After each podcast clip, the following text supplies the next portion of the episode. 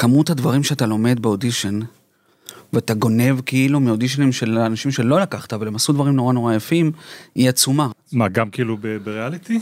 באודישנים של ריאליטי, משם נתחיל? לא. אוקיי. רגע, עוד לא התחלנו, שנייה. אוקיי. חומרי גלם, פרק 31. האורח שלנו, הבמאי גבי ביבליוביץ', הוא האיש שאחראי לעשייה הטלוויזיונית של אחת התוכניות הכי מדוברות בשנים האחרונות. חתונה ממבט ראשון. באיזה עולם דוקומנטרי אני יכול לצלם כל כך הרבה ימים זוג? נדבר על העשייה של תוכנית הריאליטי הזו, ובעיקר על היחסים שבין אנשי ההפקה והמשתתפים.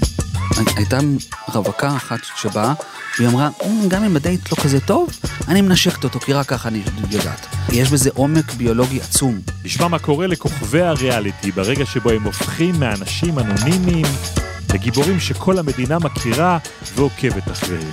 נראה אותך מנסה הרואין, בלי שאתה יודע שזה הרואין, שאתה לא רוצה עוד. זה לא אנושי. ונשמע מה קורה בחדרי העריכה ובצילומים על המניפולציות שמאחורי תוכניות המציאות. פעם ראשונה שהבאתי משתתף לחדר עריכה, ושמתי לו את הקליפ הבלתי חתוך, והוא בסופו הסתכל עליי ואמר, אני זכרתי את זה אחרת לגמרי. אני בן שני ואתם מאזינים לעוד פרק של חומרי גלם. זה הפודקאסט של טלי, חברת התמלוגים של יוצרות ויוצרי הקולנוע והטלוויזיה בישראל. חומרי גלם. הפודקאסט של טלי. אתה יודע איך אנחנו מתחילים? כן. להביא? כן? זה החפץ שהבאתי. רגע, מה זה הדבר הזה? אה, זה נראה כמו אבן. זה אבן, זה חיפושית אה, מצרית. אוקיי, אני אניח אותה פה. חרפושית כזה? מה שה... כן, חיפושית מצרית, וואו. שניתנה לי על ידי אה, המורה שלי הראשון לקולנוע, ושאני מאז, אה, הוא קצת המנטור הרוחני שלי, אני יכול לקרוא לזה. שמו מיקי כהן. אה, ובזכות פגישה מקרית במסדרון, אה, חיי השתנו, כי אני למדתי מתמטיקה ופיזיקה באוניברסיטה בזמן התיכון, והוא הסתבר, פתח מגמה חדשה. אה, למדתי בבית ספר להנדסאים והיו רק שתי בנות, או שלוש בנות, ואמרתי, בכל זאת מתמטיקה ופיזיקה, אבל כאילו יש בנות, כבר בגיל 15 צריך להתחיל. אז חבר שלי שכנע אותי, "אה, פותחים תיכון חדש, בוא, יאללה, מה, יהיה כיף, יהיה לך קל גם. ואז אה, מיקי אמר לי, הסתבר לי בדיעבד שהגיעו שני אנשים בלבד ל- למבחנים של המגמה, ואמרו לו, אם אין לך איזה שמונה תשעה, אתה לא, אתה לא פותח מגמה. אבל זה אמרתי, מרשים שעד היום אתה מסתכל על זה כעל הדבר ה... כעל דבר מכונן. מאוד, כי זה החיים שלי השתנו, שם.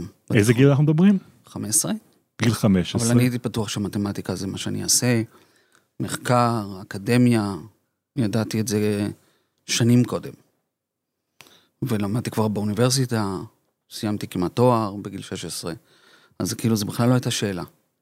והחיפושית הזאת עם כתב החרטומים הזה שחרוט עליה כל מה שנמצא פה, מה? זה מיקי נתן לי את זה אמ, בסוף התיכון. הוא אמר כדי, שהגדיל, כדי שהצמיחה שלך תהיה אמ, איטית וקונסיסטנטית, כאילו. והיום אני מבין את המשמעות, ה... כמה זה חשוב האיטית, בשבילי לפחות. אז טוב, נהדר שאתה מתחיל מזה, כי אני רוצה קצת לספר אוקיי. גם על הנסיבות שבהן אנחנו נפגשים כאן עכשיו, כן. שמבחינתי מאוד מיוחדות ומרגשות. אני זוכר אותך מהגיל הזה, גיל 15, התיכון, גיל 15. נכון. זה היה אז באמת מה שאני מכנה אותו איזשהו ניסוי בבני אדם. היינו ילדים. אה, ממש. ברמת השרון כשפתחו את מגמת הקולנוע הראשונה החליטו שאפשר ללמד ילדים בתיכון קולנוע אנחנו מדברים על תקופה שבה עוד לאנשים אין מצלמות בבית. ואין נגישות ל- לחדרי עריכה ושום דבר. וזו הייתה הרפתקה ש, שבאמת הזכרת את מיקי כהן האיש ש, נכון. שייסד את המגמה הזאתי עם, עם מורים כמו אנר פרמינגר ועופר קולטון ו, וואו, ואחרים. כן. הגיעו לשם כדי ללמד ילדים אה, בתיכון לעשות סרטים. אתה היית במחזור הראשון נכון, הייתי של מחזור כיתה ש... כיתה קטנה אבל כיתה של מופלאים.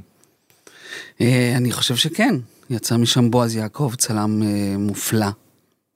אין, אני אבחר לצלם איתה כל דבר, אם אני אוכל. שמצלם היום מצלם בטלוויזיה. פיצ'רים, בעיקר פיצ'רים, הוא לא, הוא רציני, לא כמוני.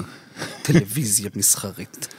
הוא מצלם פיצ'רים, הוא מצלם דרמות, הוא צלם ענק. והייתה איתכם בכיתה עדי ארבל? עדי ארבל, ברור שהיום כאילו עושה סרטים דוקומנטריים בעצמה, ואחראית באנדמול על מלא מלא דברים. היא גם כן. ולמד. איתכם באותה שנה אה, אלעד קופרמן. נכון, אלעד לא היה במגמה, הוא היה כן. בביולוגית. אמ, והוא הצטרף בתור טהורן. וזה נדבק אליו, כל החיידק הזה שכולנו נדבקנו אליו בתיכון, והוא ההוא אמ, עבר את, ה, אמ, את הצבא ו, ודפק לי בדלת יום אחד. הוא אומר, מה, מה, מה, מה אני עושה עכשיו? הוא סיים כקצין בצבא.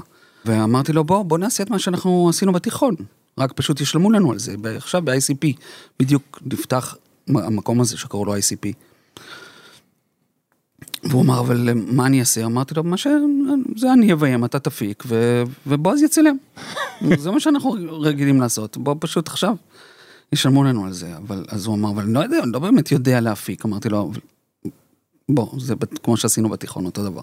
אז אני מזכיר את זה כי באמת הייתם, היית- הייתם חבורה מרשימה, אבל, אבל אתה כבר אז התבלטת, אני זוכר אפילו את השם של הסרט הראשון שלך, קראו לו מלפומנה או משהו נכון, כזה, נכון? כן. על מוזת הטרגדיה, זה, זה פירוש השם, זוכה. בפסטיבל ירושלים, ואחר כך באמת הזכרת ICP, אבל עושה סדרות הרבה לטלוויזיה המסחרית סרטים, כן. אבל גם סרטים דוקומנטריים, סדרות דוקומנטריות, עובד עם מודי בר-און וענת... אה, עבדתי עם כן. מודי ברון, כן. כואב הלב, כמה שנים מחיי ביליתי איתו. על איזה סדרות? על, אה, על במדינת היהודים, תל אביב, ואת עושה גם לקשת אה, סדרות, אה, סדרות, אה, כבר סדרות ריאליטי בהתחלה, נכון? היה שם את כן, השגריר. התחלתי בתור, כאילו, אני, אני במאי, אוקיי? אני לא עורך תוכן. עכשיו, בדוקומנטרי אין הפרדה, אבל מסתבר שבריאליטי כן. אז אני מצטרף כאילו לטלוויזיה המסחרית בתור במאי. אבל, אבל אני לא בראש הפירמידה, מישהו אחר מחליט על מה יקרה. מוזר.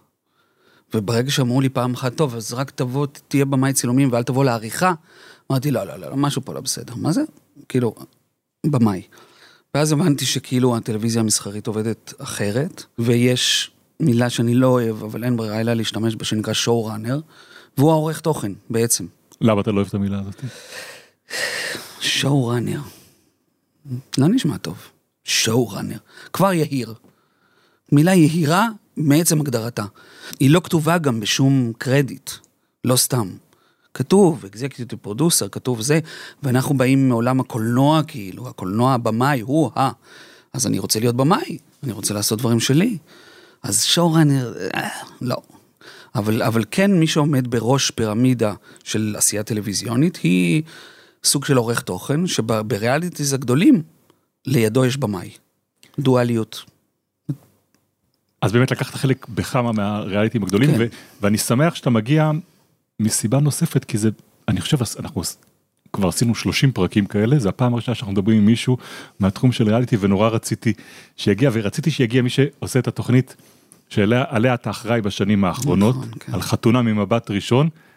אני רואה את התוכנית הזאתי ו, אה, ו, ונהנה לצפות בתוכנית, בכלל לצפות בריאליטי, אני, אני אומר את זה קצת באיזשהו מבוכה, כי יש בזה אלמנט של גילטי פלז'ר בלראות אה, ריאליטי, ככה אני מסתכל על זה. ויש, ואתה יודע, ואפשר להודות גם שיש הרבה דברים שלא לא היינו רואים אם לא היינו עושים אותם. אני, אני לפחות מודה על עצמי שזה ככה, וכשדווקא בפורמט הזה אמרתי, אני אקח סיכון מטופש מאוד, כי הטעם שלי הוא לרוב לא הטעם אה, של הצופים, אני לא באמת מתאים לטלוויזיה מסחרית, אבל אני אעשה תוכנית שאני הייתי רוצה לראות, שהיא עמוקה, שהיא לא...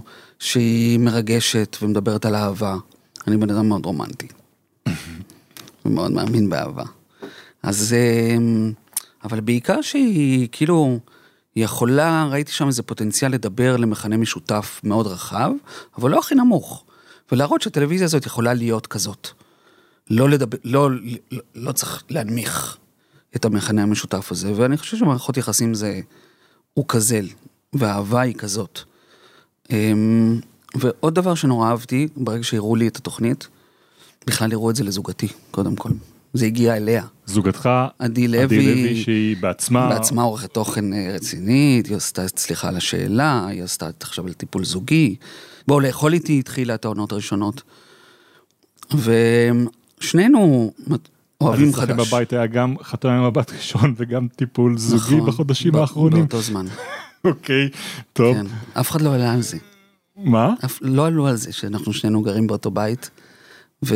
ו... והיא לא עוד מעט נדבר על. מה זה הביא אליכם הביתה, אבל, אבל מבחינתי זאת הזדמנות להבין איך, אה, איך עובדת תוכנית כזאתי, שאף פעם לא יצא לי לראות אה, אה, מקרוב את העבודה עליה. אוקיי. אמ, זה, אתה אומר, רציתי לעשות בזה, אבל זה פורמט בעצם, לא? אתה מקבל כן. איזשהו, אתה מקבל איזשהו אתה ספר מקבל כללים? פורמט, אמ, הוא פורמט דני במקור. דני. דני, כן? באופן מוזר, למרות שבעיניי יש בו משהו מאוד מאוד יהודי, שידוך, מה יותר מיהודי משידוך? כן. הש, השדכנית מכירה את זה, השדכנית מכירה את המשפחה של ההוא, באיזו אינטואיציה, אם היא טובה, מחברת בין שני אנשים, ומשם זה רק מתחיל. זה לא אינטואיטיבי, זה בוא ניקח אמ, כביכול את המדע על כל צורותיו, מדע. מדע, כן, איזה מדע? פסיכולוגיה וביולוגיה, וננסה לחבר בין אנשים בעזרת המדע, אוקיי. אוקיי? מה שאני גיליתי על הביולוגיה של האהבה, אני הרי, אתה יודע, בסוף באתי ממתמטיקה ופיזיקה, נכון? אז כל דבר שקשור למדע מעניין אותי. המדע של האהבה היא דבר, היא דבר מרתק. איפה המדע בתוכנית הזאת? כן. אז אני- אני זה אסביר. חלק שלא רואים אותו על המסך. אמ, כמעט ולא ראו אותו בעונות הראשונות, אבל באיזה שלב זה נהיה לא כל כך רלוונטי, כי זה המבדקים, ההת- ההתאמות. ההתאמות לפני. כן. מה עושים כדי להתאים אה, את הזוגות? אוקיי, אז מה שעושים, אמ, בקצרה, כי זה תהליך מאוד מאוד ארוך, חלק מהעומק שלו ומהאורך שלו הוא מה שגורם גם לאנשים להאמין ש... שלפחות ניסו להתאים להם מישהו ש... שבאמת מתאים להם.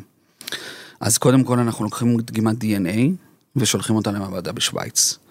לוקחים את הגברים ואומרים להם ללבוש את החולצה הזאת שלושה לילות, ואת הנשים ולובשים את אותה חולצה שלושה לילות ושלא יתקלחו באמצע. ושמים את זה בתוך צנצנות, וכל הגברים מריחים את החולצות של האנשים, וכל הנשים של הגברים. עכשיו היה לנו חד זוגי, אז, אז הם הריחו את החולצות אחד של השני. ו, ומה המדע שמאחורי זה? שהוא דומה, אמ, אוקיי, לגוף יש דרך ל- לאותת לי, האם מי שנמצא מולי הוא ביולוגית מתאים לי. זאת אומרת, האם הצאצאים שלנו יהיו טובים, חזקים יותר? זה ביולוגיה לחלוטין. הי- הייתה רווקה אחת שבאה, והיא אמרה, "מ, גם אם הדייט לא כזה טוב, אני מנשקת אותו, כי רק ככה אני יודעת. עכשיו, יש בזה עומק ביולוגי עצום. או השיר הזה, יציא נזקיס, כאילו תנשקי אותו רק ככה תדעי, זה יש בזה עומק ביולוגי, כי הגוף, בעזרת הרוק, מתרגם את ה-DNA של מי שנמצא מולי, ואם יש לנו פוטנציאל לילדים בריאים, חזקים, טובים, אז, אז הוא יאותת לי, תימשך לריח הזה, תימשך, הנשיקה הזאת היא הנעימה לך, תימשך לבן אדם, פיזית. כי משהו בהרכב, משהו בהרכב- באופן שהבן אדם הזה בנוי נכון. ביולוגית מתאים קודם לך. כל ביולוגית, כן. זה החלק הביולוגי. אז מה, אז- האנשים שמתמודדים בתוכנית, לפני בכלל שאתם עושים את השידוכים, הם מריחים ואומרים לכם, את חולצה מספר 3 כן, אהבתי את הריח הזה, נכון. חולצה מספר 4 אני לא יכול לישון עם הבן אדם הזה. נכון, ואני הייתי חייב להריח מישהי שנגאלה נורא מריח של מישהו, או מישהי שאהבה נורא, אני הייתי חייב, לה... לה... אני חייב להתנסות בכל דבר שהמשתתפים שלי עושים. אתה כעורך? אז, אז, אז, אז הרחתי כדי להבין האם זה באמת זהה כזה, אתה יודע, זה יכול להגיד, איך, נו, מגעיל, מה, לבשתי את זה שלוש לילות, זה, זה מריח מזהה, זה לא זהה, זה ריח גוף אמיתי, שמישהי שנמשכה לריח הזה, אני נגעלתי ממנו וה, וההפך, זאת אומרת, זה באמת, זה באמת מטורף. סובייקטיבי. סובייקטיבי לחלוטין, ו, ו, וזה קורה לנו בגוף בלי שאנחנו יודעים. אוקיי, אז אתם עושים את ההתאמות על פי הריח, אתם עושים את ההתאמות אמרת על פי DNA. תכף אני אגיד לך, זה לא בדיוק ההתאמות, זה אנחנו שוללים התאמות. ההתאמות האמיתיות נעשות, וגם גם מי שלקחנו אז כמדענית הראשית של זה, שהיא גנ, גנטיקאית, היא אמרה, קודם כל זה הפסיכולוגיה. כי בכל זאת, קודם כל ההתאמה היא התאמה טובה, אם היא התאמה פסיכולוגית טובה. אם הבן אדם הזה, הוא יענה על הצרכים שלי, אם הבן אדם הזה, הוא, אני אוכל לגדול איתו, אני אוכל להיות בן או בת זוג שלו אמיתיים, אוקיי? אה, אז זה קודם כל. אבל כשיש התאמה שהפסיכולוגים חושבים שהיא התאמה מאוד מאוד טובה, אנחנו ניגשים, כיוון שיש אלפי קומבינציות אפשריות בין הגברים לנשים, אז אנחנו לא נבדוק את, אמ, את כל הקומבינציות, זאת אומרת, אנחנו נבדוק את כל הקומבינציות, אבל לא נעשה התאמה של שניים שהעריכו אחד את השני, והריח מצא חן אחד בין, בין השני. אנחנו קודם כל נעשה התאמה פסיכולוגית, כשהפסיכולוגים יגידו, אמ, דנה מתאימה לגיל, אנחנו נלך לבדוק אם הריח מצא חן ביניהם אחד של השני, ואם יש שם התאמה גנטית. אוקיי. עכשיו, אם אין, אז לא. אז ההתאמה הזאת לא תהיה, לא משנה כמה הפסיכולוגים יגידו, כי גם אם ברור לך שהולכת להיות שם טלוויזיה טובה בין השניים האלה. לא... תראה, תראה. בוא נתחיל מה זה טלוויזיה טובה בתוכנית הזאת. ולמזלי, כאילו, העונה הראשונה עוד הוכיחה את זה, אוקיי? אמ, יש פה משהו שונה נורא בתוכנית הזאת, שזה איחוד אינטרסים, שלא קיים כמעט בשום מקום בטלוויזיה. האיחוד אינטרסים הוא של הקהל, של המשתתפים, של הצופים ושל היוצרים. כולם רוצים שזה יצליח. אני, אם, אם הזוגות לא יצליחו, שלוש שנות והזוגות לא מצליחים, הקהל מאבד אמון בכל הדבר הזה ולא מעניין אותו. לא רק זה, אני באמת חושב שקצת כמוני הקהל בא לראות סיפורי אהבה. הוא גם בא לראות קשיים, קונפליקטים, אבל בבסיס של התוכנית הוא לא לראות אנשים בקונפליקטים. וגם בעונה הראשונה היה זוג, מי שמכיר יזכור, אבל אני לא אזכיר את שמם, כי לא נעים, אבל באמת אנטי טלוויזיוני בכל כך הרבה רמות. לא היית מלהק אותם ל- ל- לתוכנית בוקר, לרעיון בתוכנית בוקר. שתקנים כאלה, חנונים קצת, זה, זה. אמרתי, אם יהיה סיפור אהבה ביניהם, זה יהיה יפה. זה יהיה יפה. וזה, זה, וזה בדיוק מה שהיה. אבל זה ליהוק אנטי טלוויזיוני, נורא קל, נורא קל ללהק שני אנשים, שתהיה לך טלוויזיה טובה. אבל זה לא יחזיק בתוכנית הזאת. רגע, אמרת הבמאי שלהם, אוקיי. אז תסביר איך זה, איך זה עובד. אמ, אמ, זה גדל לשבעה זוגות כבר. זה התחיל בתור חמישה או שישה, אם אני זוכר, בעונה הראשונה. אמ, ושהם כולם מתחתנים ברווחים של שבועיים אחד מהשני, כולם. ולכל לכל, אה, זוג יש צוות דוקומנטרי קטן. בגלל זה כאילו עם כל הגודל של התוכנית, היא תוכנית פצפונת. היא, מבו- היא, היא ש- ש- 90 אחוז מהחומרים שאתה רואה בטלוויזיה בא משני אנשים, שצילמו שני אנשים. זה הכל. צלם, צלם במאי, שהצלם גם אחראי על הסאונד, אין סאונדמן. אין סאונדמן. אמ, צירפנו להם באיזשהו שלב איש הפקה, כי בעונה הראשונה הבמאי גם היה הנהג והזה, וכשפתאום הבמאית התקשרה אליי שעה אחרי שהם היו אמור- אמורים להתחיל לצלם, והיא אומרת שהיא לא מוצאת חנייה, אז הבנתי שצריך להיות עוד בן אדם, אבל הוא קצת מחוץ לעניין. בדירה חייב להיות איזו אינטימיות של שניים מול שניים. עכשיו יש, אנחנו מצרפים סאונדמן כשפתאום זה מפגש עם ההורים ומפגש עם חברים, אבל, אבל רוב החומרים זה שני נקים, צלם שמחזיק אותם, והבמאי שעומד בצד ומקשיב בעיקר, ומסתכל לפעמים.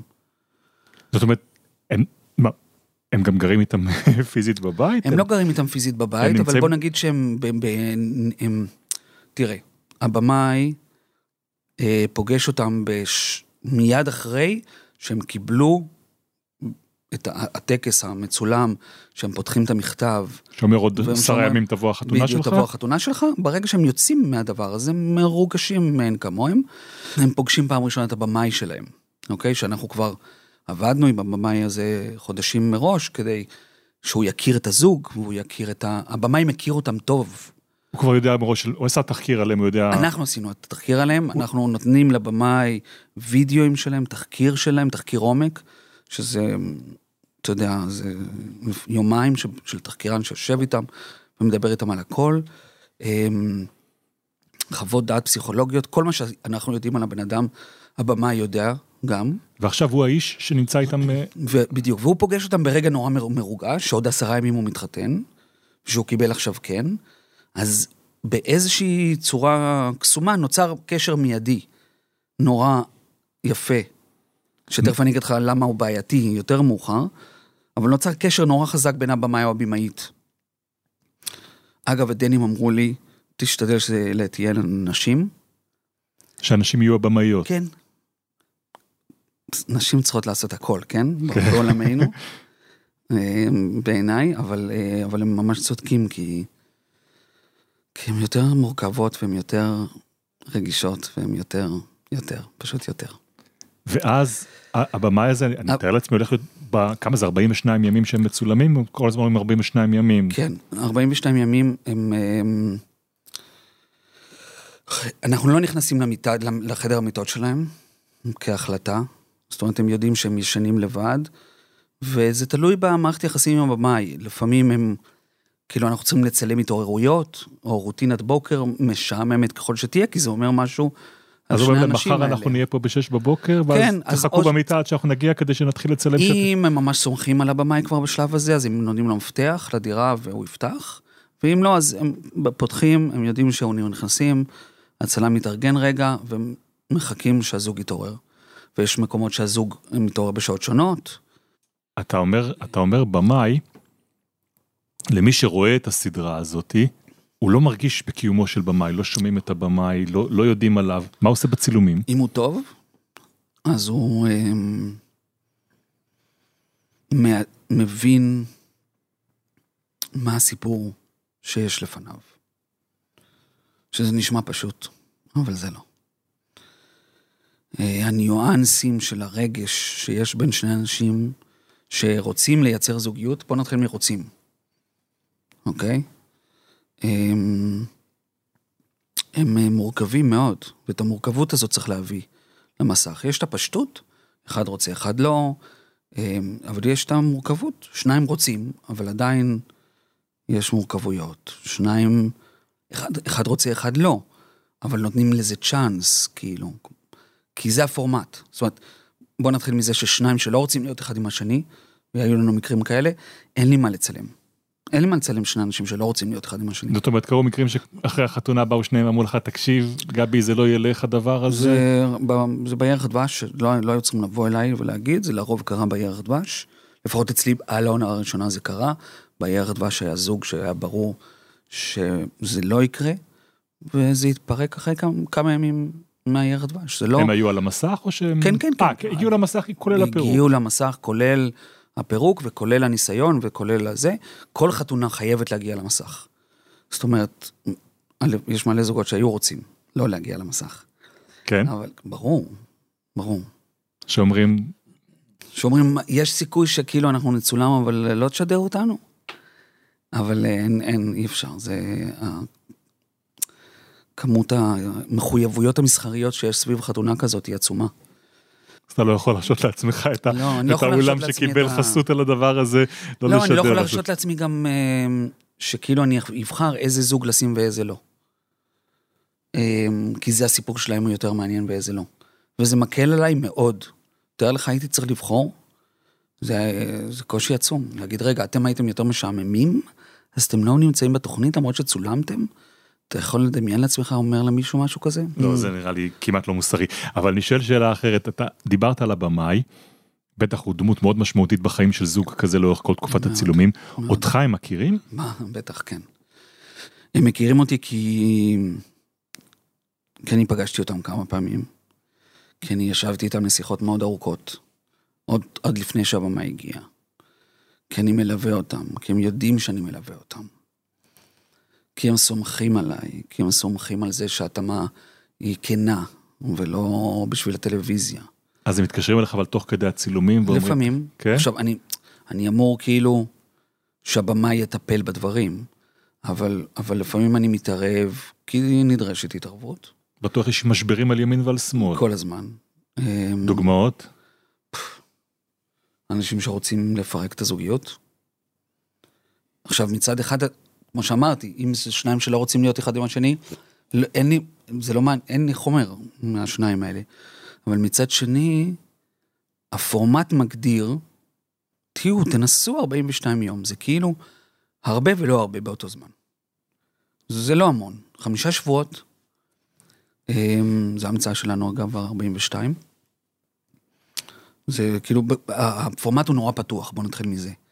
הוא בכל, הוא בכל מקום נעשה נורא שונה, ובעלי הפורמט רק רוצים שתחדש ותמציא. זה לא פורמט קשיח בכלל. אה, נותנים לך את האפשרות לא, להחליט לך- שאתה נותן את זה 49 40 יום או 42 יום. יש כל מיני ורסיות של זה, יש כאלה ששוכרים להם דירה ולא שוכרים להם דירה, מביאים אותם למקום מסוים באוסטרליה, הרי באוסטרליה היא ענקית, אז כאילו מתאימים בין שני אנשים, אבל תחיו עכשיו ביחד פה, או אל... זה, יש לזה מלא מלא ורסיות, ואתה, אנחנו מחליטים כאילו מה מתאים לישראל. וגם אף אחד לא נדרש לווליום כזה, שכמו שאנחנו נדרשים אליו, כמו בכל פורמט כמעט, של שעות שידור, להביא כאילו כל כך הרבה שעות למסך. כי בארץ משדרים הרבה, הרבה. הרבה כן, פרקים, כן, סוחטים את הלימון הזה עד כמה שאפשר. תמיד. כי תקציבית, אתה יודע, זה כן, צריך. אה, ובחשיבה שלנו, מה, איזה תוכן יכול להיות יותר מעניין, אז אחד הדברים היו הטיפולים. ב- ברוב הארצות בעולם, אני חושב בכל, כמעט בכולם, יש להם טיפול אחד בכל ה... זה, פעם אחת הם באים לטיפול זוגי, באמצע העונה, לראות מה, מה המצב איתם, וזהו, בזה זה נגמר. ואנחנו אמרנו, אה, זה מעניין דווקא יהיה ל- לראות בטיפול, אוקיי? חגי עשה את זה דרמה בדרמה. חגי לוי, כן. נכון. אז למה שלא, שזה לא יהיה מעניין דוקומנטרית? אני לא, בואו ננסה. כאילו בהתחלה היו גם קולות שאמרו, זה מש... תקשיב, אתה מצלם פה שעה משעממת. טיפול זה דבר משעמם. בוא ננסה, אמרתי, בוא ננסה לשים מצלמות בטיפול, וצריך לה... להקים קליניקה בשביל זה. וזה בעיניי הראה ש... שזה, שזה, שזה חלק מהסיפור, שזה דבר טלוויזיוני, שזה מוציא רגש. המפגש של הזוגות עם הפסיכולוגים. כן, אז אני רוצה ברגע הזה לעשות משהו שאנחנו נעשה כמה פעמים במהלך השיחה שלנו, אוקיי. וזה לשלב אה, אה, קולות של אנשים שמכירים אותך, עובדים וואו. איתך, שישאלו אותך שאלות. אם, אם שמעת את הפודקאסט שלנו, אתה, כן. אתה כבר יודע שזה קורה. ו, ודווקא במקום הזה הייתי רוצה להשמיע את השואלת הראשונה, כי ביקשנו את יעל דורון, וואו, הפסיכולוגית של אה, חתונה ממבט ראשון, אוקיי. אה, שתפנה אליך היא שאלה. גבי יקר ואהוב, לעבוד איתך היה תענוג גדול בשבילי, והשאלה שאני רוצה לשאול אותך, שאלה בהפתעה, היא מה למדת על עצמך בזמן שעשית את העבודה המדהימה הזאת של חתונה ממבט ראשון? להתראות, יעל. שאלה של פסיכולוגית, כן? לא, לא, זה שאלה של פסיכולוגית שמכירה אותי. כן. וואו. תראה, יש אמ, אבן עצומה אה, של אה, אחריות אה, על הכתפיים שלי, לפחות אני הרגשתי ככה, כשאתה עושה את התוכנית הזאת. כי באים אליה אנשים שהם לרוב נורא נורא מוצלחים, עם תארים, מצליחים בעבודה שלהם, תמיד לאורך כל העונות זה היה ככה. אמ, גם כהחלטה, כדי שלא הקהל יגיד, טוב, ברור שהיא לא מצאה זוגיות, תראו אותה. אלא כדי שיגידו, וואו, מה, היא לא מצאה זוגיות? אמ, וגם כי זה אנשים שלרוב מייצרים טלוויזיה יותר טובה, כי הם, הם עם יכולת אה, הם, יש בהם עומק. ועומק, והיכולת להביע את העומק הזה. אמ, אז הם לרוב נורא מוצלחים במה שהם עושים בחיים, ו... ויש להם פצע אחד פתוח וקשה, שהוא זוגיות. אצל כולם אני שומע, "אמ, רק הפאזל שחסר לי, זה, החיים שלי, אני מת עליהם, אני אוהב את זה, זה, זה, אני נורא מצליח, טה, טה, טה, טה, יש לי כסף, טה, טה, טה, טה, אבל זוגיות, אני לא מצליח. אז זה כאילו, זה, זה, זה פצע כזה קשה. וככל שעוברות העונות, הם גם מודעים לכמות החשיפה. וככל שעוברות העונות, אז הם מודעים לרמת המעורבות של הקהל בסדרה הזאת. והיכולת של הקהל לאהוב ולא לאהוב את הדמויות. וזה אבן עצומה שנמצאת עליי כעורך ראשי. כי אתה עורך את התוכנית תוך כדי שהיא גם משודרת. כן. אה, אני עורך את התוכנית תוך כדי שהיא משודרת, אבל במהות שלה, היא קודם כל, אתה, אתה חושף אנשים במצבים אינטימיים, לא מיניים אינטימיים, אבל במצבים אינטימיים שהם הכי חשופים. הכי חשופים שלהם, ולא תמיד אה, הם רוצים. ואתה יודע שהפרק שישודר מחר יראה אותה או אותו ברגע מאוד מאוד קשה, כן. יראה רגע של לפעמים כישלון, לפעמים איזשהו, לפעמים כן. איזשהו ריב, לפעמים נכון. הרשתות סוערות סביב דברים שקורים בתוכנית, התגובות אתה בטח כל הזמן, בגלל זה אני שואל אם אתה רואה את זה תוך כדי, אם אני- אתה עורך תוך כדי שזה משודר, כי אתה עורך את הפרקים כשהדברים, נהי- כש, כשהשיח ער סביב התוכנית. כן, אין לי יכולת באמת להגיב. בזמן אמת מעט מאוד, בטח בעונה הזאת שנדרשנו לשלוש פרקים בשבוע, אז הייתי צריך לערוך, להיכנס לשידור עם לפחות שמונה פרקים מוכנים, ואז לערוך תוך כדי, אתה, כאילו כשאתה משדר את פרק 12, אם אתה לא נמצא בעריכה של פרק 20 כבר, אז אבוד לך, כי, כי, כי שלושה פרקים משודרים בשבוע. אז היכולת שלך לשנות דברים היא מוגבלת תוך כדי שידור. ועם זאת, אני אגיד בכנות, היא קורית. היא קורית כי... אמ, כי קשה לי נורא לראות אנשים שנפגעים מהתוכנית, או, שמקב, או שלוקחים אותה, או שמקבלים ביקורת נורא נורא קשה עליה. ו, ו, ויש, ו, ואני לא יודע לצפות את התגובה של הקהל. אני פשוט לא יודע. אבל מה התגובה הזאת. עושה לאנשים שמשתתפים בתוכנית? הם, היא, היא פוגעת בהם, היא מרגיש, הם מרגישים ש, שהעריכה הייתה מניפולטיבית, לפעמים הם מרגישים שהם לא... איך אני אצא בתוכנית? זה דבר, זה, זה דבר מרכזי ש, שלפני שהם פוגשים אותי ולפני שהם עברו את החוויה הזאת איתי, אז הם חושבים שיש בכלל את היכולת הזאת להוציא מישהו טוב או לא טוב. עכשיו, אתה מטיל בזה ספק? לא, אני לא מטיל בזה ספק, יש. יש. יש. יש. כי עכשיו אנחנו אה, לפני שולחן שלם, שהוא המציאות, ואני, גם אם לא הזזתי כלום במציאות הזאת, ואנחנו יודעים שלעריכה יש גם את הכוח להזיז דברים במציאות, ולהגיד, זה, זה היה לפ... אחרי זה, לא לפני זה. כי הוא, הוא, הוא חייך על המשפט הזה שלה, ולא על המשפט שהוא באמת חייך, אוקיי? מהמם. אז לי יש את הגבולות שלי, של מה אני אעשה ואני לא אעשה. אמ, היה טיפול מסוים, נגיד, כיוון שאני לא נמצא בצילומים, אתה יודע איך זה כשאתה בצילומים ואתה זוכר ניואנסים ואתה זוכר את הדברים, אז לפעמים העורך מפספס אותם ואתה אומר לו, רגע, רגע, תחזור לרגע הזה שבו... זה, אין לי את היכולת הזאת. אני לרוב לא נמצא בצילומים, אני נמצא באירועים הגדולים, בחתונות וב... זה, אבל אני לא נמצא ביום-יום. אז הכניס אותי לחדר עורך, והראה לי טיפול זוגי של כמה דקות, שה... ה- ה- ה- מה שהיא אומרת שם לידו, הבטן שלך מתהפכת. וכאילו לא האמנתי.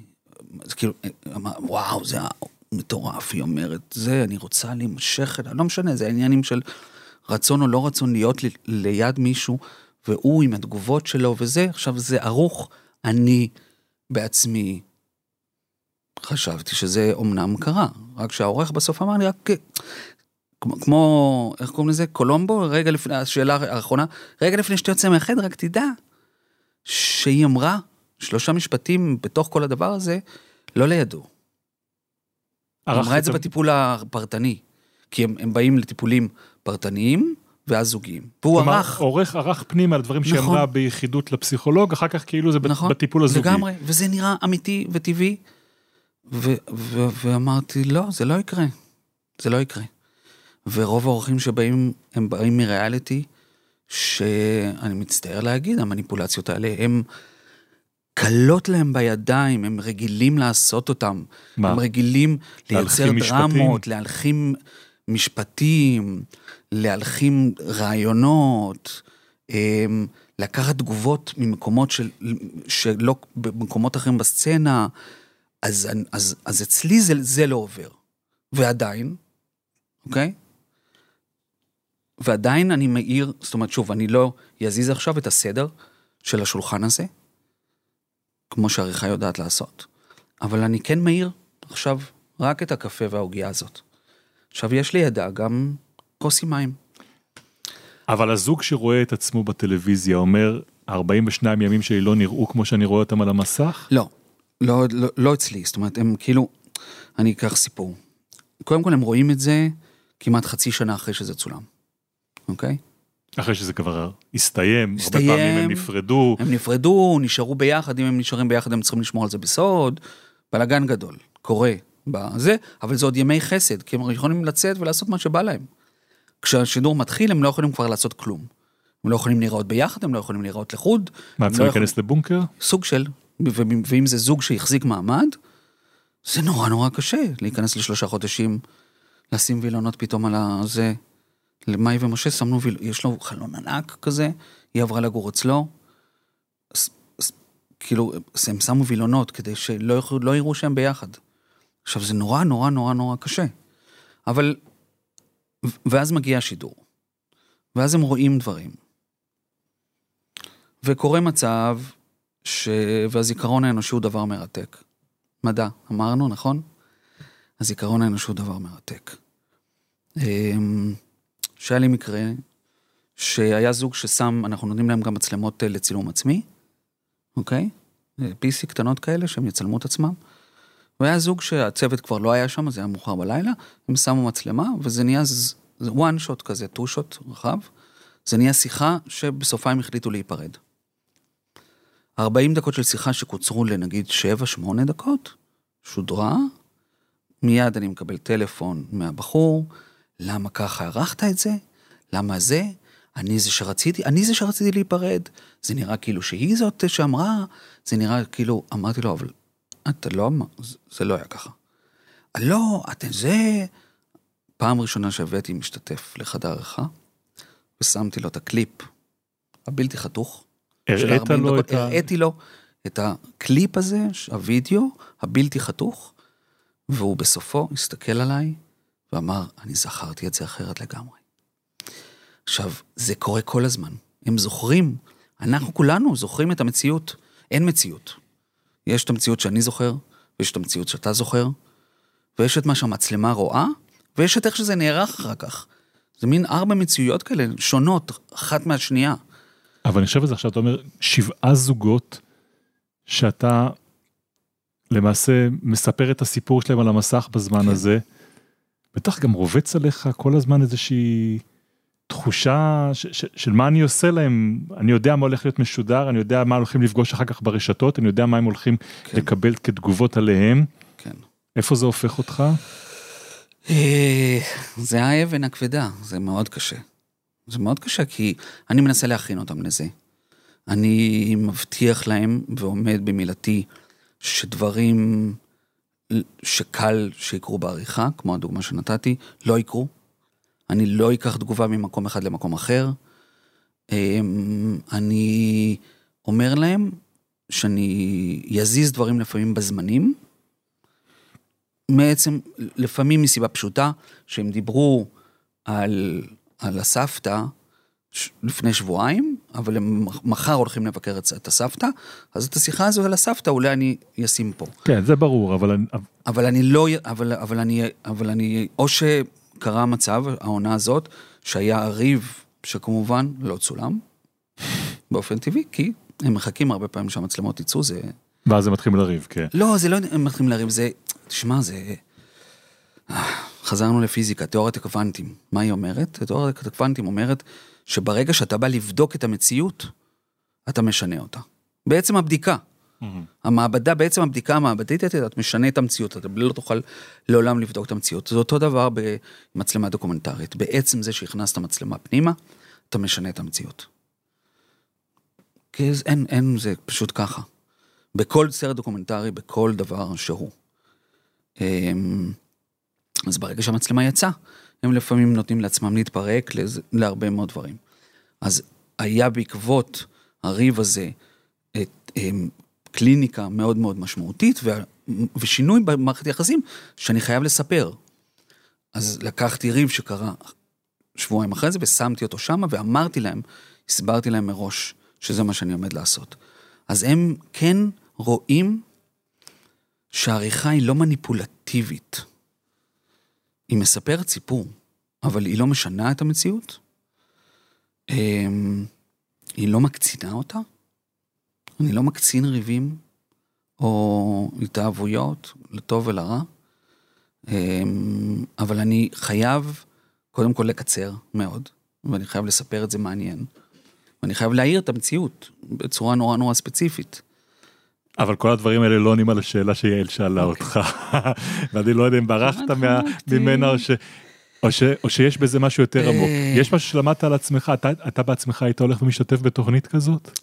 תראה, אם הייתי, אמ, קודם כל נורא נורא קשה לי בכלל להיות מול מצלמה, להתראיין, אם זה לא היית אתה וההיסטוריה שלנו, אני לא בטוח שהייתי בא, אני לא מתראיין כמעט, אבל אמ, אני מאחורי המצלמה, זה מה שאני אוהב, אני אוהב להתבונן. אמ, אבל אני חושב שאם הייתי רווק בתקופה, ב, בימינו, שכל הכלי שיש להם למציאת זוגיות זה, זה אפליקציות מסוימות, שהן נידונות לכישלון, שוב, כיוון שאמרנו שבטבע אנחנו בוחרים בני זוג עם כל החושים שלנו, אנחנו מריחים את הבן אדם, רואים אותו בסיטואציה חברתית, שומעים אותו, הסאונד הוא נורא חשוב, הקול הוא נורא חשוב. אמ, היה, היו עונות שהשמענו להם אחד את השני, כדי, זה נורא חשוב. זה, זה, זה, זה קורה בטבע. אתה בוחר את הבן זוג שלך עם כל חמשת החושים. מהרגע שירדת רק לחוש אחד לתמונה שאתה עושה פליפ ימינה או שמאלה, אין לזה סיכוי. אין לזה סיכוי. יש סטטיסטיקה שכאילו כל כך הרבה אנשים מנסים, שכן, גם באפליקציות בסופו של דבר יהיו זוגות שיגידו, מצאתי אותו באפליקציה. כן, אבל אתה יודע, זה, זה, זה בדיוק השאלה לגבי התוכנית, כי גם למצוא את בן הזוג שלך בתוכנית ריאליטי, כן. אין סיכוי שזה יקרה. אה, כן, אבל לא, קודם כל, למזלנו, אה, יש לכם זוג אחד שאתם כבר יכולים להגיד, שהתח... אחד שהתחתן ועוד אחד שהולך אחד להתחתן. שהתחתן, אחד שהולך להתחתן, ועוד, ועוד שני זוגות שכבר אנחנו קרוב לשנה מאז הצילומים של העונה, הם עדיין ביחד. יישארו או לא יישארו, זה לא קשור, זה כמו שהאפליקציה לא אחראית לזה, זה כאילו, זה כבר החיים. יצרנו תחת המטריה של התוכנית זוג, נכון? הם כבר כמעט שנה ביחד, אז, אז, אז אתה יודע, הרבה דברים יכולים לקרות עכשיו. כן. זה נכון, אני כל הזמן אומר, אה, מקווה שהזוגות לא שומעים אותי, ש- שעד שלא יהיה תינוק מהתוכנית, אז אה, לא, לא תהיה אמונה שלמה ש, שזה אמיתי. אבל זה אמיתי, זה אמיתי כי זה קרה בעולם כבר. אז זאת, לא, זאת השאלה הגדולה שמרחפת, ואולי אפילו הביקורת שמרחפת סביב בכלל הז'אנר שנקרא ריאליטי. אתה אומר אמיתי, תוכנית מציאות, זאת לא המציאות. לא צור המציאות. ואתה דיברת, דיב- סיפרת קודם על הדוקומנטרי שהגעת ממנו. נכון. אתה רואה את הפער בין הדוקומנטרי ובין התוכנית הזאת? אמ, אתה חושב שכשאתה מצלם סרט דוקומנטרי אתה מראה את המציאות?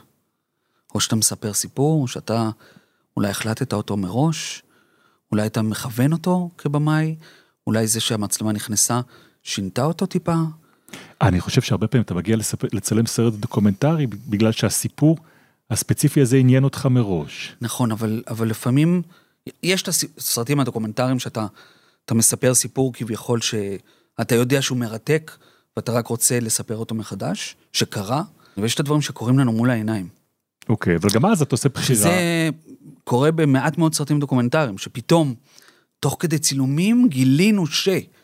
איפה זה קורה? זה מעטים הסרטים הדוקומנטריים שזה קורה בהם, ומה שיפה בתוכנית הזאת זה שהטלוויזיה המסחרית נותנת לי בכלל את הסקופ לתעד זוג כל כך הרבה ימי צילום. באיזה עולם דוקומנטרי אני יכול לצלם כל כך הרבה ימים זוג, ו- ולהיות בטוח ש- שיש לי סיפור. אבל אתה יודע, בסופו של כל תוכנית מציאות כזאתי, מגיע מתמודדים באיזשהו שלב ואומרים, צריך לדעת לשחק את המשחק, זה המשחק, לשחק את המשחק. כן. כי הם מבינים, אני מדבר על תוכניות נגיד כמו הישרדות, כמו נכון. תוכניות אה, כמו האח הגדול, שבסופו של דבר אלה לא החיים, יש הפרדה ביניהם והחיים, ובתוכנית הזאת רוצים לטעון שזה כן החיים. זה לא משחק. אני אף פעם לא אטען שזה החיים, כי, ש- כי שוב, כי זה לא, כי זה סיפור של זוג. אבל אני כן, אה, הם לא, אם אני עשיתי את הבחירה הנכונה, הם לא באים לשחק את המשחק, הם באים למצוא זוגיות. וזה זה במיונים, זה חלק גדול מאיך שאנחנו ממיינים את האנשים. אנחנו מנסים להבין אם זה באמת אנשים שמוכנים לזוגיות ורוצים זוגיות, ושגם אם יינתן להם בן אדם שלא כל כך ימצא חן בעיניהם ברגע הראשון, אמ, אז הם, הם, הם ייתנו לזה צ'אנס. וה, והעובדה היא שרוב הזוגות שנוצרו, א', גם בעולם, אמ, זה זוגות ש, ש, שזה לא הלך ביניהם כל כך, זה לא אהבה ממבט ראשון. להפך. אז זה מביא אותי בדיוק אל השואלת הבאה. אוי. הלכנו קרוב. הזכרנו אותה קודם, ביקשנו מזוגתך שלך, כן. מעדי לוי, אמרנו ש, שגם היא עורכת uh, תוכן, שתפנה אליך uh, שאלה וזה מה שהיא שולחת לך. היי אהוב, אז uh, הנה שאלה מהבית. תהיתי, איזו עבודה שלך הכי היית רוצה להראות לילדים? הכי היה חשוב לך שהילדים יראו. תספר על הילדים. אה, ככה, יש לי ארבעה ילדים. בני, אה, בן, בת, בת, בן. מתמטיקה אמרנו, צריך סדר, מתמטי, נכון, הסדר. אה, שניים מנישואים ראשונים שלי, אבל שהם גרים איתי, זאת אומרת, הגדול כבר בן 25, הוא לומד קולנוע בעצמו, אז הוא כבר לא גר איתי, אבל כל השאר, זאת אומרת, תמיד גרו איתי. אה, בת 22 שרוצה להיות רופאה, כן, רצינית שבחבורה. ו-13 וחצי ו-12, שזה הילדים המשותפים שלי עם עדי. אבל הם כולם, אם תגיד להם אה, את המושג הזה של חורג או חצי אח או זה, הם לא יבינו על מה אתה מדבר. הם אחים, הם, הם אחים במלוא מובן המילה, בקשר, באהבה, בהכל. אמ, אז זה, זה ארבעת ילדיי. אמ, ומה הייתי רוצה להראות להם? קודם כל, אני נורא שמח שהם רואים את הסדרה בריל טיים. זאת אומרת, לידי אני מביא פרקים הביתה לראות אה, רב קטים. לפני השידור. ברור. איזה אין לי שום עין חיצונית אחרת שהיא מספיק... אה, כאילו, אני יכול להגיד שיש עוד שותפה שלי לתוכנית הזאת ששמה עדי גרתי, והיא אחראית על הדוקו ועל האקטואליה בקשת, היא שותפה מלאה לעשייה של התוכנית הזאת מתחילתה. היא עשתה גם את העונות שאני לא עשיתי, היא אחראית על זה, אבל היא קצת כמוני בתוך הסיפור. למי אני יכול, או, או, או זה לפעמים התלבטויות של משפט. האם המשפט הזה הוא too much? האם המשפט הזה שהבן אדם אמר ביודעין מול המצלמה, הוא בא, הוא בר שידור. זה דברים אה, שאתה צריך להחליט עליהם. אתה יודע, שאתה מרגיש שכאילו, אם אתה תשדר את זה, אז הבן אדם לא יכול ללכת ברחוב, ואם אתה לא תשדר את זה, אז אולי הסיפור לא יהיה מובן. זו אחריות עצומה. אז, אז, אז, אז עדי שותפה שלי להחלטות הכבדות האלה, וסתם כדי לראות אם האופליין עובד או לא. אמ, אז היא כן רואה, אבל הילדים לא. אמ, ומה היית רוצה שיראו מהדברים שעשית בעבר?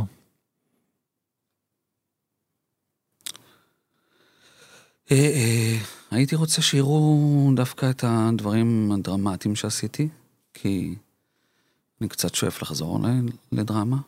יש סדרה דוקומנטרית שעשיתי על המחול בישראל, שאני פשוט, אה, חוץ מזה שאני מאוד אוהב מחול ומאוד אוהב לצלם מחול, אני באמת חושב שאנחנו אומה רוקדת, כאומה, ושהחיבור ההיסטורי שלנו כאומה היה סביב המדורה כשאף אחד לא הבין את השפה של אף אחד אחר, והם רקדו בשביל להתחבר אחד לשני.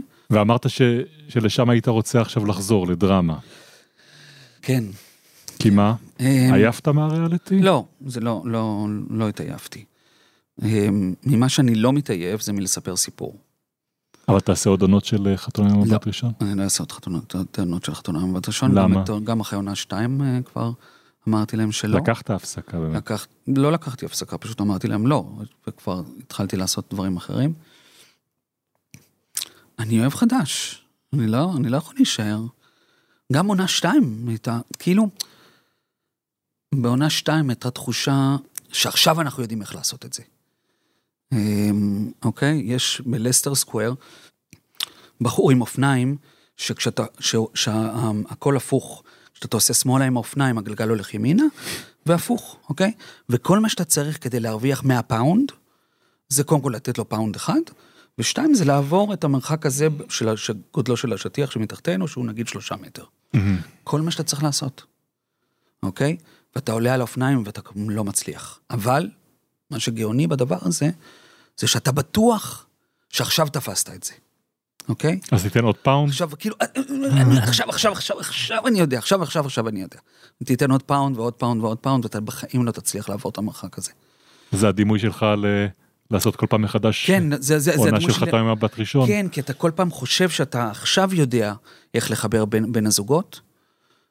עכשיו אתה יודע שבעצם מה שמתאים זה שניים דומים, עכשיו אתה יודע שמה שמתאים זה בעצם שניים שהם נורא שונים, עכשיו אתה בטוח ששניים שהם אה, בני אותו גיל. נורא מעניין, אתה, אתה, אתה, אתה, אתה מתעסק כל כך ב, בליהוק, גם דיברת על זה הרבה בהתחלה. חשבתי שאתה, על הפיצוח אתה מדבר על איך לעשות את הטלוויזיה של זה, איך לערוך את זה, איך לה, להביא כל כך הרבה פרקים למסך. אמ, אבל, אבל הדבר המרתק הוא הסיפור של האנשים. כן, אבל אני מניח שהקושי וההתמודדות הגדולה שלך היא בחדר העריכה. כן, אבל אה, זה, זה לא, קודם כל זה, זה החלק ה, ה, המעניין והקסום. שחדר עריכה זה קצת אה, דימוי של עידו רוזנבלום, אוקיי? שאיתו אני עובד עכשיו. אה, כמו טחינה. אתה שם טחינה, אתה שם מים, כן, וזה נראה לך בהתחלה, אתה מערבב, אתה כאילו, מה זה, זה לא, זה, אין סיכוי שיצא מזה טחינה לא טעימה ולא יפה. ואתה רק צריך להמשיך לערבב, ופתאום, באיזה רגע קסום של כימיה, בום, נהיה טחינה, טעימה, יפה. הדבר העכור הזה, שערבבת לפני רגע, פתאום נהיה טחינה. זה דימוי שאף פעם לא חשבתי עליו ביחס לעריכה, זה, זה אוקיי. קצת פה, זה קצת עריכה. אתה, אתה, אתה מנסה, אני מכיר את מנסה הרגע שבו. הטחינה קורית, כן. בדיוק. הרגע הזה שבו פתאום אתה עושה ככה, ועם המוזיקה הנכונה ועם הזה, ואתה יודע שכאילו באצבעות של העורך זה, זה קרה. אתה הצלחת להתרגש, הצלחת לספר סיפור. כמה אורחים עובדים בו זמנית על חתונה עם מבט ראשון? בשיא של ה... אה, בעונה הזאת עבדנו עם 23, אני חושב. 23 חדרי עריכה שעורכים במקביל את התוכנית? כן, אבל זה... כי זה מתחלק ל... בהתחלה אתה עורך... סיפור של זוג. אתה עוד לא עורך פרקים בכלל, אתה לא יודע מי, מה יהיו הפרקים, ומאיזה זוג אתה תרצה להתחיל בכלל. ואתה מתחיל, אה, יש לכל אה, זוג שלושה אורחים בערך, הכי טוב שיהיה לו אחד, אם היה לי זמן. שיהיה לכל זוג עורך אחד שעורך את כל הסיפור שלו. אבל אין זמן, אז צריך אה, עורך אחד שעורך את התעודת זהות, ש- כשעוד הם לחוד, וההכנות, אוקיי? אחד שעורך את החתונה, אה, ואחד שעורך את החיים המשותפים. את ה, מ- מהח, מהרגע שהם נפגשו, את כל הזמן שבו הם היו ביחד. באמת זה הפרופורציה כי זה על המסך נראה שהחיים המשותפים זה הדבר שלוקח הכי הרבה זמן. ברור, אבל אה, מבחינת המהירות שבה אתה צריך להביא את הדברים למסך, אז, אז התעודת זהות, שזה קשה מאוד לפצח. שזה. הפרק הראשון למעשה, חצי פרק ראשון. זה, זה תמיד ההתחלה של כל זוג. זה תמיד החצי הפרק הראשון של כל, של כל שבעת הפרקים כביכול הראשונים, למרות שאני כבר לא מחתן ברצף, אני עושה הפסקות שם של פרקים. אני מחתן, זה מושג יפה, כן. כן.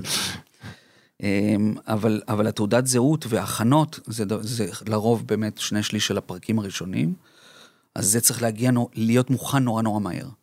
אז אני לא יכול שעורך אחד כאילו יגמור את כל הסיפור של החיים המשותפים, ורק אז להתחיל לעשות מזה פרקים. אז בגלל זה אנחנו ככה עובדים, אנחנו, עורך, יש עורך אחד לזה, ועורך אחד לחיים המשותפים. אה, אתה כבר יודע פחות או יותר את הסיפור, אבל אתה יודע אותו מנקודת מבט של הבמאי.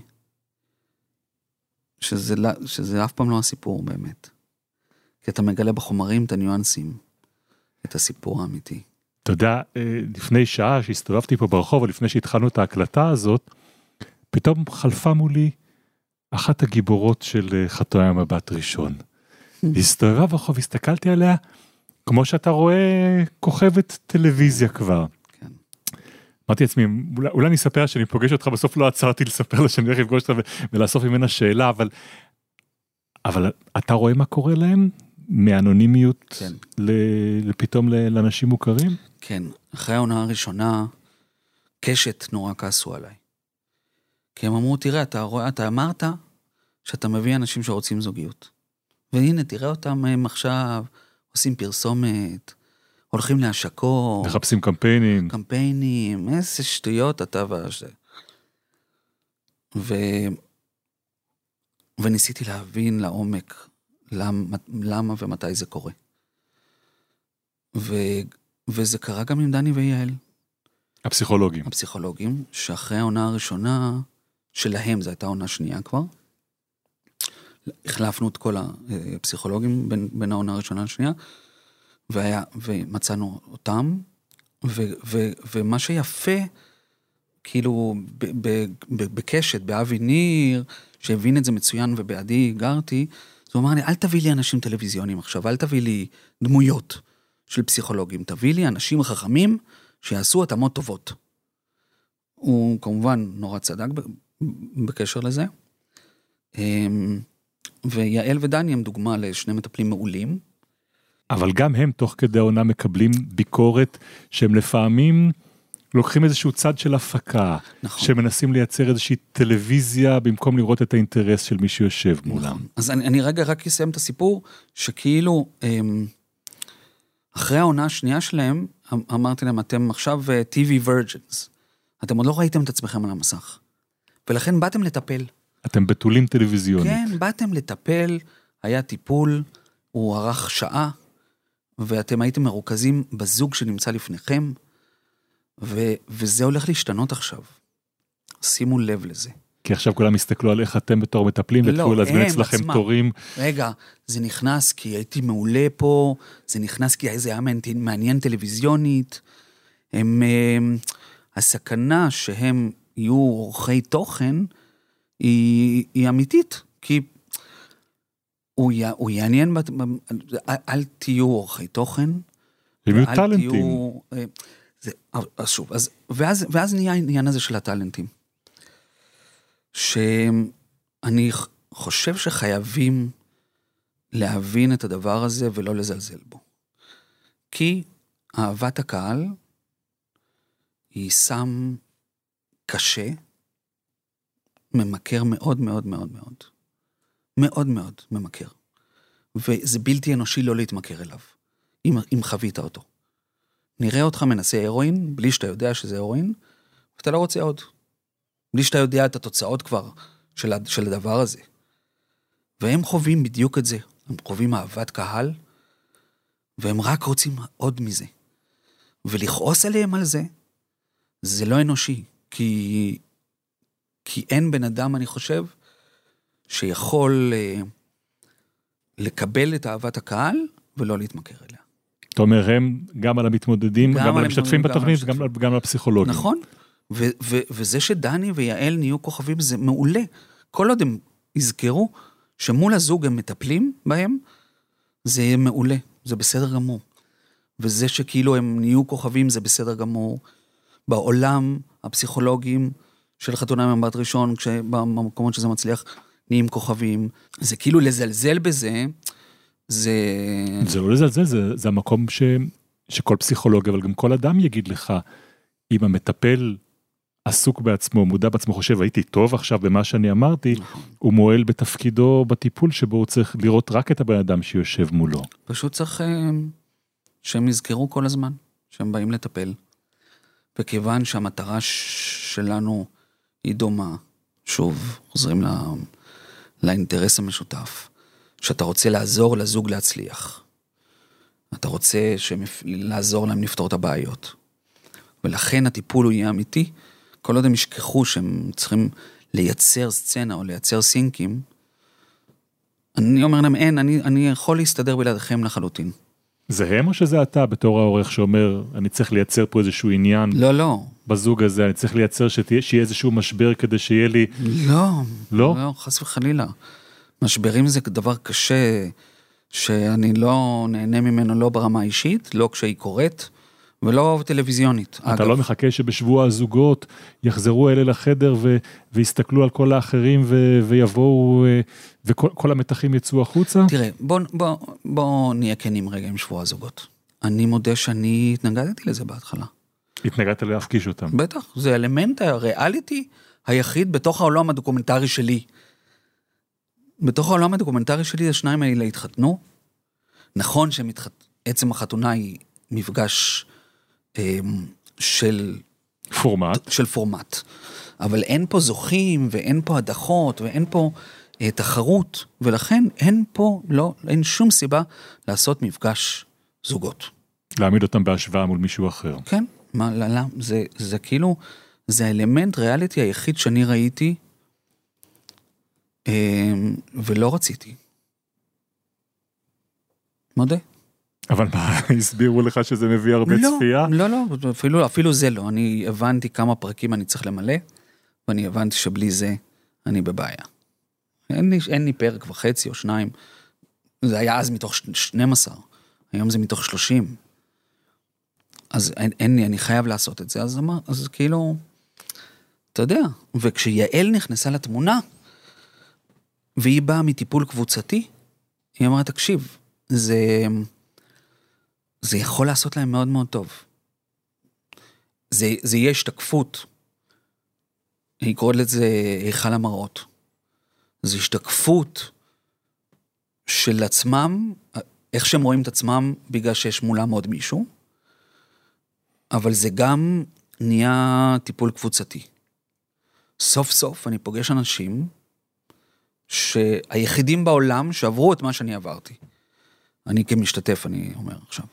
אף אחד לא פגש מישהו מתחת לחופה והתחתן ונסע איתו לירח דבש והיו צריכים להמשיך לחיות ביחד. זה לא קרה לאף אחד חוץ מהאנשים האלה בתוכנית. אני חוזר לשנייה לשאלה שלא עניתי עליה, של יעל.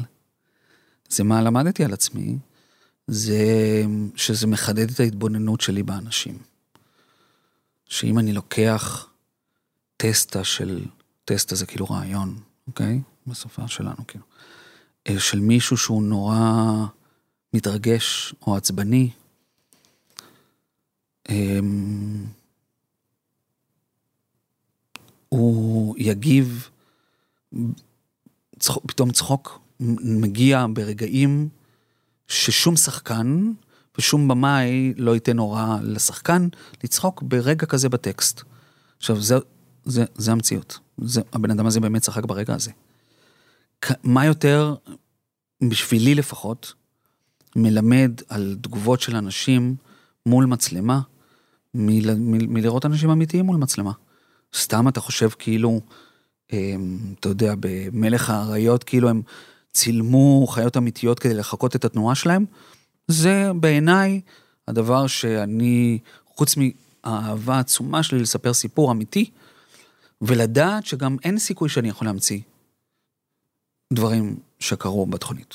אין אז- סיכוי. זה אומר תמיד ב- יותר מעניין. אז אתה אומר המעבדה הזאת שהיית חלק ממנה, תיקח ממנה דברים אחר כך לדרמה. ברור, ברור. זה לא שזאת המטרה. המטרה שלי זה לספר סיפור. ופשוט בעיניי זה סיפור רומנטי, יפה, עצוב, שכאילו כן, אני מספר גם את הרגעים הקשים שלו. טוב, זה מביא אותי לשואל הבא, אוקיי. ו- ובאמת חזרנו אחורה לאותה כיתה שדיברנו עליה בבית ספר התיכון, לחבר משם, וזה, אה, הזכרנו את שמו הצלם בועז אה, יהונתן יעקב, נכון. אז היה רק בועז יעקב, נכון? נכון. ו- וביקשנו מהחבר מהתיכון שיפנה אליך שאלה. היי גבי, העלית אותי לשידור, אז רציתי לשאול אותך, בעצם החוויית בימוי, ה- בימוי צילום הראשונה שלי הייתה איתך. נכון. וכל המחשבה על, אה, על ביטוי של רגש, אה, דרך צילום, דרך קולנוע, אתה היית הראשון שלי. אז אה, רציתי לשאול, אם נראה לך שיש סיכוי שזה יקרה שוב פעם, באיזה סרט קולנוע. בועז, זה לא רק שיש לזה סיכוי. אני כאילו, כמה שבן אדם יכול להיות בטוח במה שהוא יעשה, או במשהו שיקרה לו בכלל, אה, אז אני, אין לי ספק שאנחנו ניפגש על סט אה, של משהו עלילתי. אה, אתה רוצה לעשות סרט. תראה, אני רוצה לעשות סדרה. קודם כל, החלום הזה של הקולנוע, הוא, הוא השתנה ל, ל, לטלוויזיה. כן. כי זה פשוט הרבה יותר מעמיק. אתה יכול, אתה עושה משהו של שש, של שש שעות, אוקיי? אני הצלחתי להעמיק ב, ב, בסדרה על דמות, פר דמות, הרבה יותר ממה שאני יכול לעשות בפיצ'ר. אז החלום הזה של פיצ'ר, הוא, הוא, הוא, הוא בדיוק בדור שלנו, אני לפחות אצלי, אפשר לדבר על זה נעלם. ש- שזה זה כבר לא כלכלי בכלל. אה, זה לא- לא רק שזה לא כלכלי, זה גם לכמה אנשים זה יגיע. ותאר לך כמה דרמה, כשהיא נוגעת, אה, היא נוגעת ב, באנשים, או טלוויזיה בכלל. אז זה- אה, זה מה שאתה רוצה לעשות עכשיו, סדרה? תראה, זה גם, אני, אני אוהב, אני באתי מלעשות פרסומות הרבה מאוד שנים.